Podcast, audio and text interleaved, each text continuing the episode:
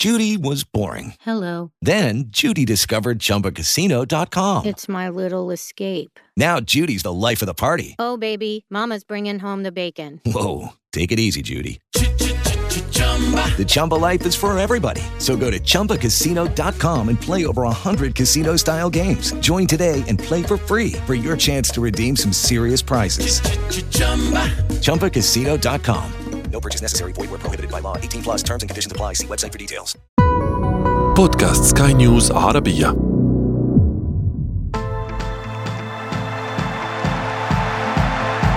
أثير الكرة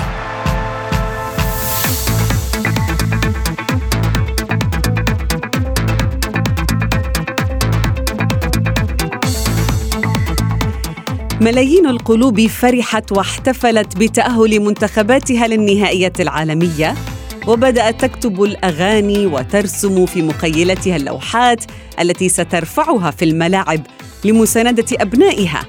لكن قلوبا أخرى كثيرة تحطمت بسبب خطأ لاعب أو مدرب أو حكم أو حتى سوء طالع تسبب بالقضاء على حلم أمة بأكملها.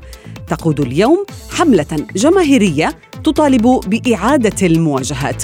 ونحن في أثير الكرة ندخل في التفاصيل بالنقد والتحليل. معي أنا شذى حداد والبداية من العناوين. شهر الإثارة في الأجندة الدولية يجري تغييرات مثيرة في تصنيف الفيفا لجدولة المونديال. عقب كوارث التصفيات الإفريقية مطالبات حثيثة بإعادة مباراتي المحاربين والفراعنة. وفي فقرة ما لا تعرفونه عن كرة القدم نكشف لكم قصة الكرة التي تختلف في كل نسخة من الكأس الذهبية والاسم الذي يعبر عنها. أثير الكرة.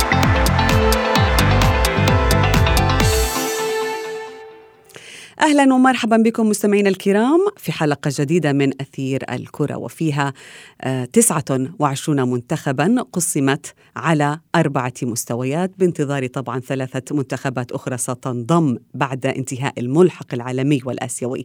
أيضا هناك أربعة مستويات أو كما يعرف عنها أربعة أوعية.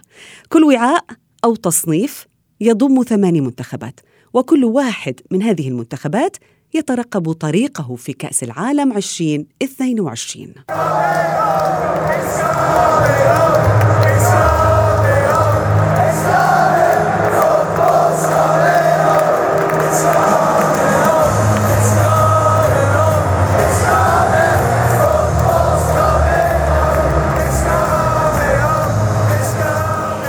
للحديث عن هذه المستويات التي توضح لنا ما يمكن أن نشاهده في كأس العالم. ينضم إلي الصحفي الرياضي مجدي القاسم. مجدي أهلا بك. أهلا بك شذا يسعد أوقاتك وأوقات فريق العمل والمستمعين جميعا. أهلا بك. مجدي بعد انتهاء التصفيات ومشاهدة المستويات مستويات الفيفا الأربعة ماذا يمكن أن نشاهد في كأس العالم 2022 يعني لا شك بأنه أصلا مجرد تواجد هذا الكم من المنتخبات الكبيرة ربما باستثناء منتخب كبير بحجم المنتخب الإيطالي كمنتخبات كبرى على مستوى العالم بالتالي ما تبقى من منتخبات كبيرة ستكون حاضرة في بطولة كأس العالم إذا ما نظرنا للمستويات شذا وبحكم أن يعني قوانين القرعة تنص على عدم التقاء منتخبين من نفس القارة في مجموعة واحدة باستثناء طبعا القارة الأوروبية اللي هي أكثر قارة. يتأهل عنها منتخبات إلى بطولة كأس العالم 13 بالتالي هذا منتخب. من الطبيعي أن نجد منتخبات القارة الأوروبية تتواجد في نفس المجموعة. ولكن ليس أكثر من منتخبين في ذات ال- المجموعة. بكل. آه، نتحدث عن مواجهات مرتقبة. ربما نتحدث مثلا عن مواجهات تضم ال- البرازيل ألمانيا في تكرار لنهائيات سابقة في مونديال 2002 نتحدث ربما عن الأرجنتين ألمانيا تكرار لنهائي لنهائي ال- التي توجت بها المنتخب الألماني. أيضا ربما نتحدث عن مواجهة بين فرنسا كرواتيا تكرار لنهائي مونديال 2018 فقط هذا نتحدث عن المستويين الأول والثاني. بالتالي مواجهات مرتقبة منتظرة ونارية. نعم. واعتقد بأن تواجد منتخبات مثل هولندا ألمانيا في المستوى الثاني وأيضا بالإضافة للمنتخب الكرواتي وصيف النسخة الماضية هذا سيجعلنا نشاهد مجموعات نارية وحديدية. بالنظر لبقية المستويات وتحديدا للمنتخبات العربية ربما نشهد مواجهة ما بين منتخب المغرب الذي يحتل يأتي في التصنيف الثالث ربما مع المنتخب التونسي الذي يأتي في التصنيف الرابع. لكن آه، الحديث مجدي الكثير من الأمور جرت في في في التصفيات والعديد من المفاجآت كانت آه، يعني حاضرة. هناك منتخبات إذا ما نظرنا إلى المستويات بغض النظر عن القرعة أصبحت مرشحة بقوة للوصول إلى أبعد نقطة من المونديال ومنتخبات انخفض نجمها يعني بداية من آه، يعني المنتخب الكبير الذي تراجعت حظوظه بعض الشيء في التصفيات مثل المنتخب الألماني وخروج أيضا المنتخب الإيطالي الايطالي من آه، الطريق نحو المونديال. كيف يمكن آه، يعني نتوقع آه، هل ممكن أن نتوقع أن يكون هناك منتخب جديد كبير؟ هل من الممكن أن يكون المنتخب الفرنسي هو الأقوى بين المرشحين وما إلى ذلك؟ يعني لا شك بأنه حتى الآن المنتخب الألماني وإن أجاد في التصفيات الأخيرة وتأهل على رأس مجموعته لكن أعتقد بأنه مجموعة المنتخب الألماني وقتها كانت مجموعة سهلة سهلة جدا. بالنسبة للمنتخب الألماني كنا نتحدث عن صحيح مقدونيا الشمالية فازت في مباراة على ألمانيا لكن ألمانيا ردت الاعتبار مباشرة. تحدثنا وقتها عن منتخبات مثل رومانيا أرمينيا أيسلندا ليختنشتاين بالتالي منتخبات يمكن القول بأنها منتخبات صف ثاني أو حتى ثالث في في أوروبا. بالتالي لم تتعرض ألمانيا لاختبارات كبيرة في التصفيات وتصدرت المجموعة وتأهلت كمتصدره من بين أفضل المنتخبات المتأهلة. لكن الاختبار الحقيقي سيكون في في كأس العالم. المنتخب الألماني في في مونديال 2018 كان هنالك نكسة كبيرة انتصار وحيد وخسارتين جعله يحتل المركز الرابع ويودع من دور المجموعات لمنتخب هو كان بطل النسخة الماضية في نسخه 2014 في البرازيل، بالتالي المنتخب الألماني لا شك بأنه يعيش فترة تراجع وهذا على اثره طبعا خرج من قائمة العشر الأوائل في نعم. تصنيف الفيفا وبالتالي حتى في تصنيف المنتخبات أتى في المستوى الثاني بالتالي سيضطر لمواجهة منتخبات كبيرة ربما نتحدث عن البرازيل فرنسا الأرجنتين لكن لكن على مستوى الترشيحات شبه أعتقد بأنه ربما لن تخرج من دائرة خمسة أو ستة منتخبات على أقصى تقدير نتحدث عن البرازيل فرنسا الأرجنتين منتخبات الصف الأول والمنتخب الإسباني. وبلجيكا. بلجيكا أيضا يعني الضوء على هذا المنتخب يعني شياطين أوروبا آه، وهو في التصنيف آه، الأول إلى جانب فرنسا والبرازيل والأرجنتين وإنجلترا أيضا. أين بلجيكا من هذه المنتخبات؟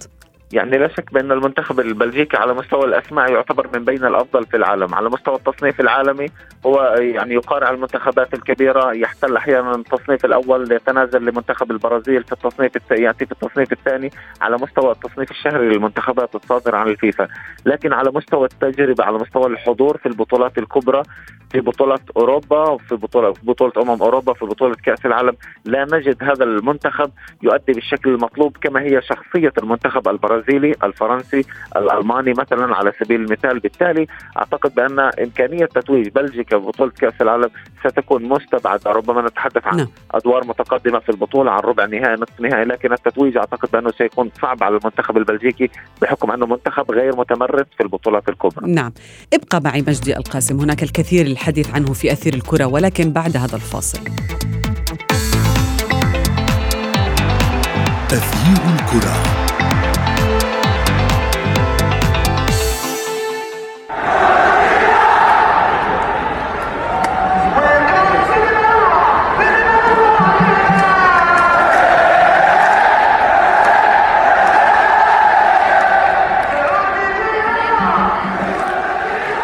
مجدي من جديد وأيضا يسعدني أن أرحب بضيفي الصحفي الرياضي عبد الرحمن عابد من الرياض. أهلا بك عبد الرحمن. أهلا وسهلا أستاذ شذا تحية طيبة لك وللمستمعين تحية طيبة وكريمه للأستاذ مجدي. تحية طيبة. عبد الرحمن ما رأيك بالمستويات أو التصنيفات التي آه، أعلنتها الفيفا لشهر مارس والتي تدخل طبعا في جدولة المونديال؟ إذا ما بدأنا مثلا بالحديث آه، تونس والمغرب في التصنيف الثالث السعودية في التصنيف الرابع. هل هم في مكانهم الطبيعي؟ آه الحقيقة هذا التصنيف متوقع لها تصنيف في الشهري آه للمنتخبات آه وهذا التصنيف يعني لا أعتقد إنه مفاجئ. يعني في السعودية إحنا عارفين من زمان إنه السعودية راح تكون في التصنيف الرابع بناء على على يعني على مستواها الشهري وتصنيفها الشهري. ف يعني اليوم آه، كان هذا التحدي لنا من فترة طويلة اليوم إنه إنه إحنا نكون في مستوى متقدم في في التصنيف. يعني السعودية اليوم في المستوى الرابع مع مع مع تونس وأيضا منتخب الإمارات اللي نتمنى إنه يستطيع إنه يتجاوز المنتخب الأسترالي ويتجاوز الملحق ويتأهل للمونديال. آه فأعتقد هذه هذه هذه مستوياتنا يعني في في باختصار كبير. نعم آه، مجدي آه، بالنسبة للمنتخبات العربية أمالنا معقودة عليها تونس المغرب السعودية آه، يعني نحتاج أحيانا لأن نشاهد هذه المنتخبات تلمع أكثر من دور المجموعات هل من الممكن أن نشاهد مفاجآت بالفعل لهذه المنتخبات في النسخة المقبلة؟ يعني لا شك بأنه الأمال كانت معقودة على تواجد سبع منتخبات عربية كانت مرشحة لبلوغ نهائيات كأس العالم تحديدا مونديال قطر. حتى الآن ثلاثة منتخبات أعتقد بأنه نجحت بامتياز في, في الوصول إلى نهائيات كأس العالم. آه، لكن الأمل معقود أيضا على المنتخب الإماراتي الذي الذي بكل تأكيد كما ذكر زميل عبد الرحمن كلنا كعرب ننتظر تأهل المنتخب العربي الإماراتي لنهائيات كأس العالم. فرحتنا ستكتمل في يونيو المقبل. نعم. بالضبط حتى نشاهد أكبر عدد من المنتخبات العربية في هذه البطولة بل لنكن منطقيين شذا المنتخبات العربية كحد أقصى من الطموح يمكن الحديث عن التأهل لدور ال 16 أكثر من ذلك أعتقد بأنه سيكون الموضوع عبارة عن ضرب من الخيال عندما نتحدث عن منتخبات أوروبا منتخبات كبيرة تملك تاريخ كبير. عندما نتحدث عن منتخبات كالبرازيل يمتلك خمسة ألقاب في كأس العالم ألمانيا بإلقاب أربعة الأرجنتين بلقبين فرنسا بلقبين. بالتالي منتخبات متمرسة في البطولات العالمية. أعتقد بانه الحديث عن أكثر من دور ال 16 بالنسبة للمنتخبات العربية سيكون ضرب من الخيال. بالتالي موضوع المنتخبات العربية نعول فقط على بلوغ دور أو تجاوز دور المجموعات كأقصى إنجاز عربي يمكن الحديث عنه لنكن منطقيين وواقعيين في الحديث عن المنتخبات العربية. أكثر من ذلك أعتقد أنه سيكون الأمر نعم. كما ذكرت عبارة عن ضرب من الخيال آه، عبد الرحمن المستويات الفيفا كما تصنف المنتخبات أيضا هي تصنف النجوم. يعني مثلا كيليان مبابي آه، ليونيل ميسي كريستيانو رونالدو هم في المستوى الأول. مثلا آه، إذا ما تحدثنا عن بولندا هي في المستوى الثالث وبالتالي روبرت ليفاندوفسكي مثلا في المستوى الثالث. لا نريد أن نقيم لاعب أو منتخب أو نجمعهم معا ولكن ننتظر كثيرا من هؤلاء. النجوم أن يقدموا بالفعل ما هو مرجو منهم في هذه النسخة. ولكن العين على ليونيل ميسي وكريستيانو رونالدو لأنه الحديث يعني مصوب اتجاه آخر نسخة قد تكون لربما آخر نسخة لهذين النجمين. ما ننتظر بالفعل من لاعبين قرنا كثيرا ببعضهما البعض في مونديال قطر؟ آه، الحقيقة يعني آه، اليوم في مونديال قطر يعني هذا المونديال أعتقد هو للتاريخ يعني مونديال آه، حيكون آه، يعني مشوق بكل تفاصيله من يعني نتذكر في 2009 أو 2010 لما تم الإعلان عن فوز قطر بالمونديال كانت يعني كان خبر عربي يعني رائع وجميل جدا. واليوم الحلم اللي بات وشيكا من ان نشوفه على الملاعب الرائعة وال وال وال وال وأنا أقول انه خرافية ملاعب الصراحة اللي عملتها قطر. فاليوم راح نشوف النجوم الكبار اللي يعني في في مونديال 2022 يعني أنا بالنسبة لي كريستيانو رونالدو يعني لا ينقص أي شيء في الدنيا يعني وفي مسيرته سوى إنه يرفع كأس العالم حقق كل شيء.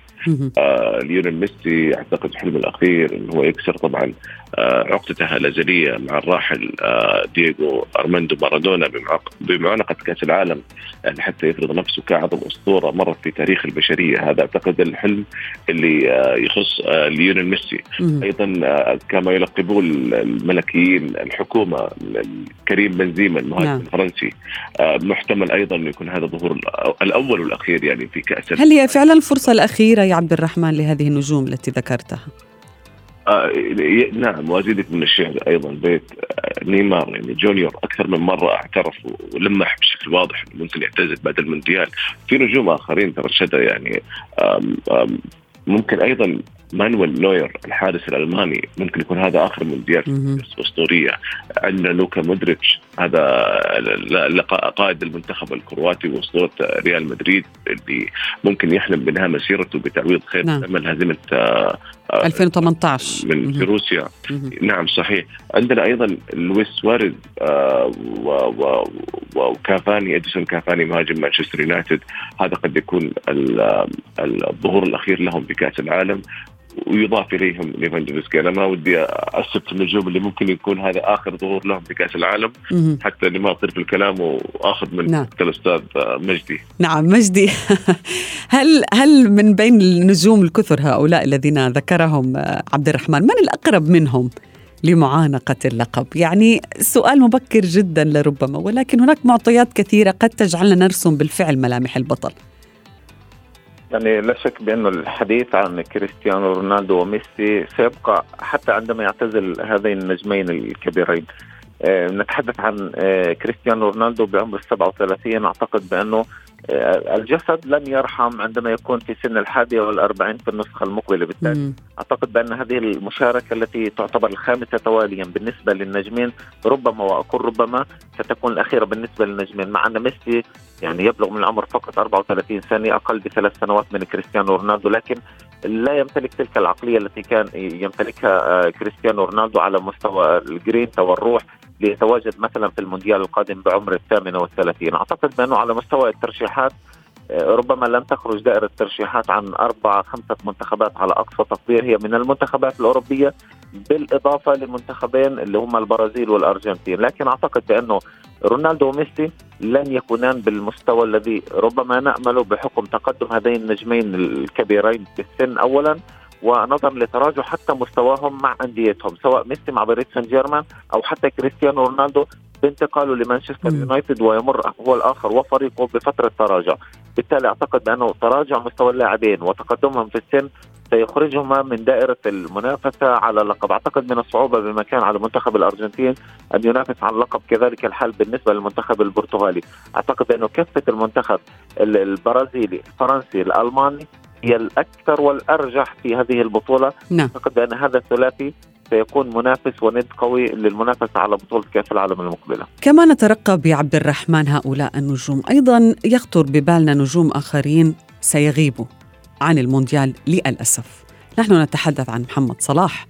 للمرة الثانية بعد عام 2014 نتحدث عن يعني آه، السويدي زلاتان إبراهيموفيتش عن رياض محرز إيرلينغ هالاند. نجوم كبار أسماء لامعة ستغيب عن هذا المونديال. ولكن دعنا نوجه حديثنا صوب محمد صلاح ورياض محرز. خصوصا بأن هناك كثير من الأخبار تقول أو شائعات تقول بأن محمد صلاح وما جرى له في السنغال سيؤثر بالفعل على قرار بقائه في المنتخب قد يعتزل بالفعل دوليا ما تعليقك على هذا الموضوع؟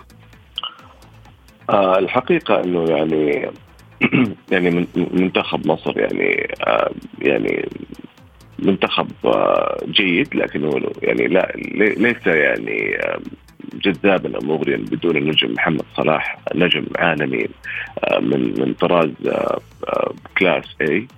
آه لكن أنا قرأت في الإنترنت الأيام الماضية إنه جماهير ليفربول آه يعني تفكر إنها تستقبله بطريقة خاصة كنوع من أنواع الدعم بعد ما تعرض إلى خيبة في في في السنغال من الخروج المونديالي.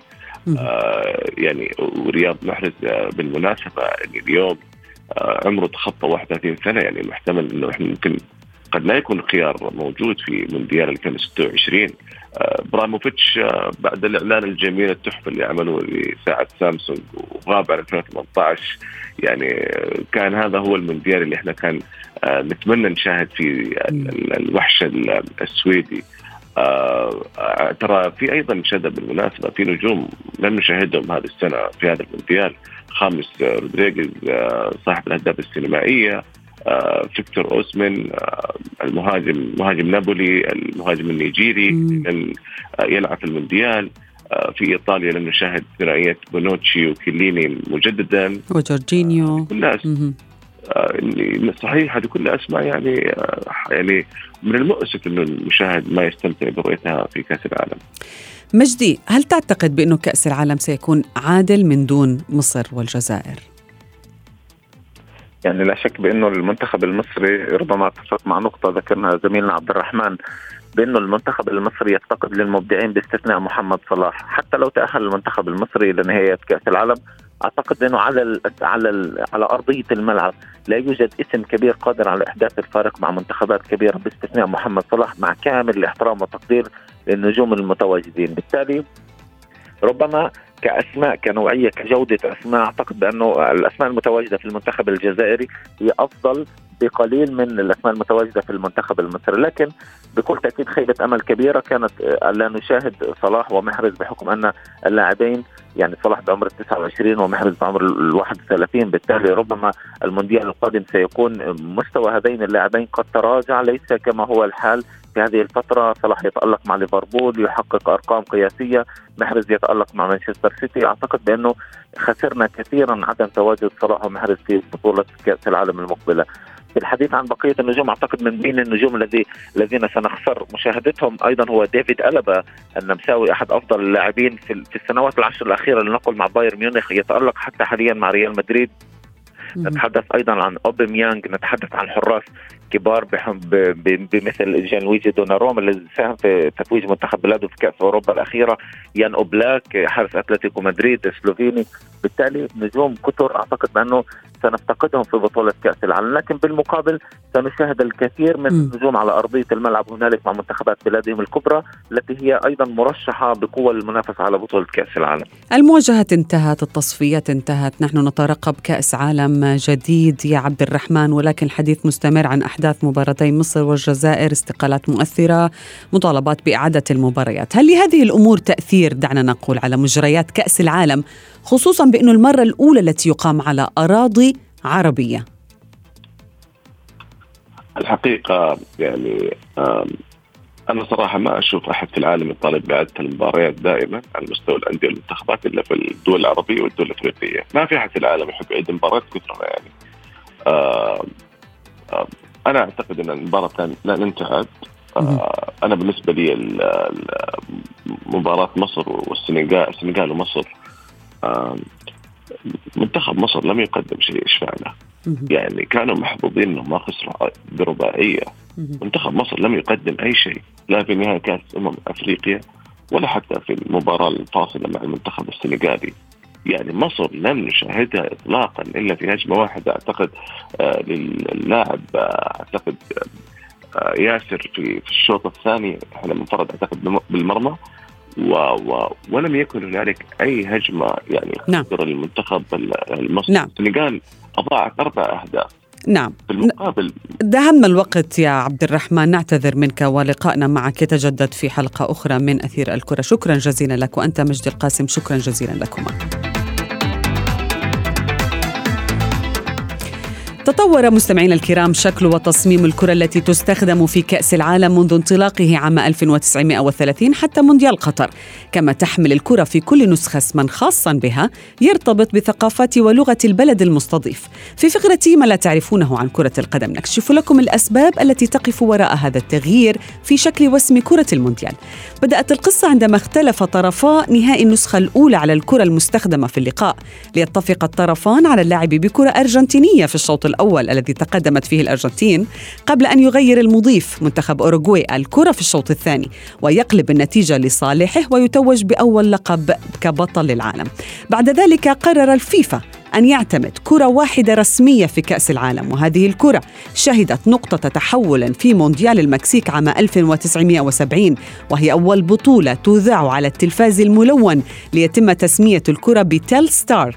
أو نجمة التلفاز. كما أنها أول كرة تحتوي على قطع سوداء وبيضاء وقد أشرفت بالفعل شركة أديداس على صناعة الكرة منذ ذلك الحين حتى وصلت إلى قطر وأسمت كرة مونديال 2022 بالرحلة. وصلنا وإياكم إلى صافرة النهاية من أثير الكرة. هذه تحياتي أنا شذى حداد إلى اللقاء. أثير الكرة. Judy was boring. Hello. Then Judy discovered ChumbaCasino.com. It's my little escape. Now Judy's the life of the party. Oh, baby, Mama's bringing home the bacon. Whoa, take it easy, Judy. The Chumba life is for everybody. So go to ChumbaCasino.com and play over 100 casino style games. Join today and play for free for your chance to redeem some serious prizes. chumba ChumbaCasino.com. No purchase necessary. Void where prohibited by law. 18 plus terms and conditions apply. See website for details.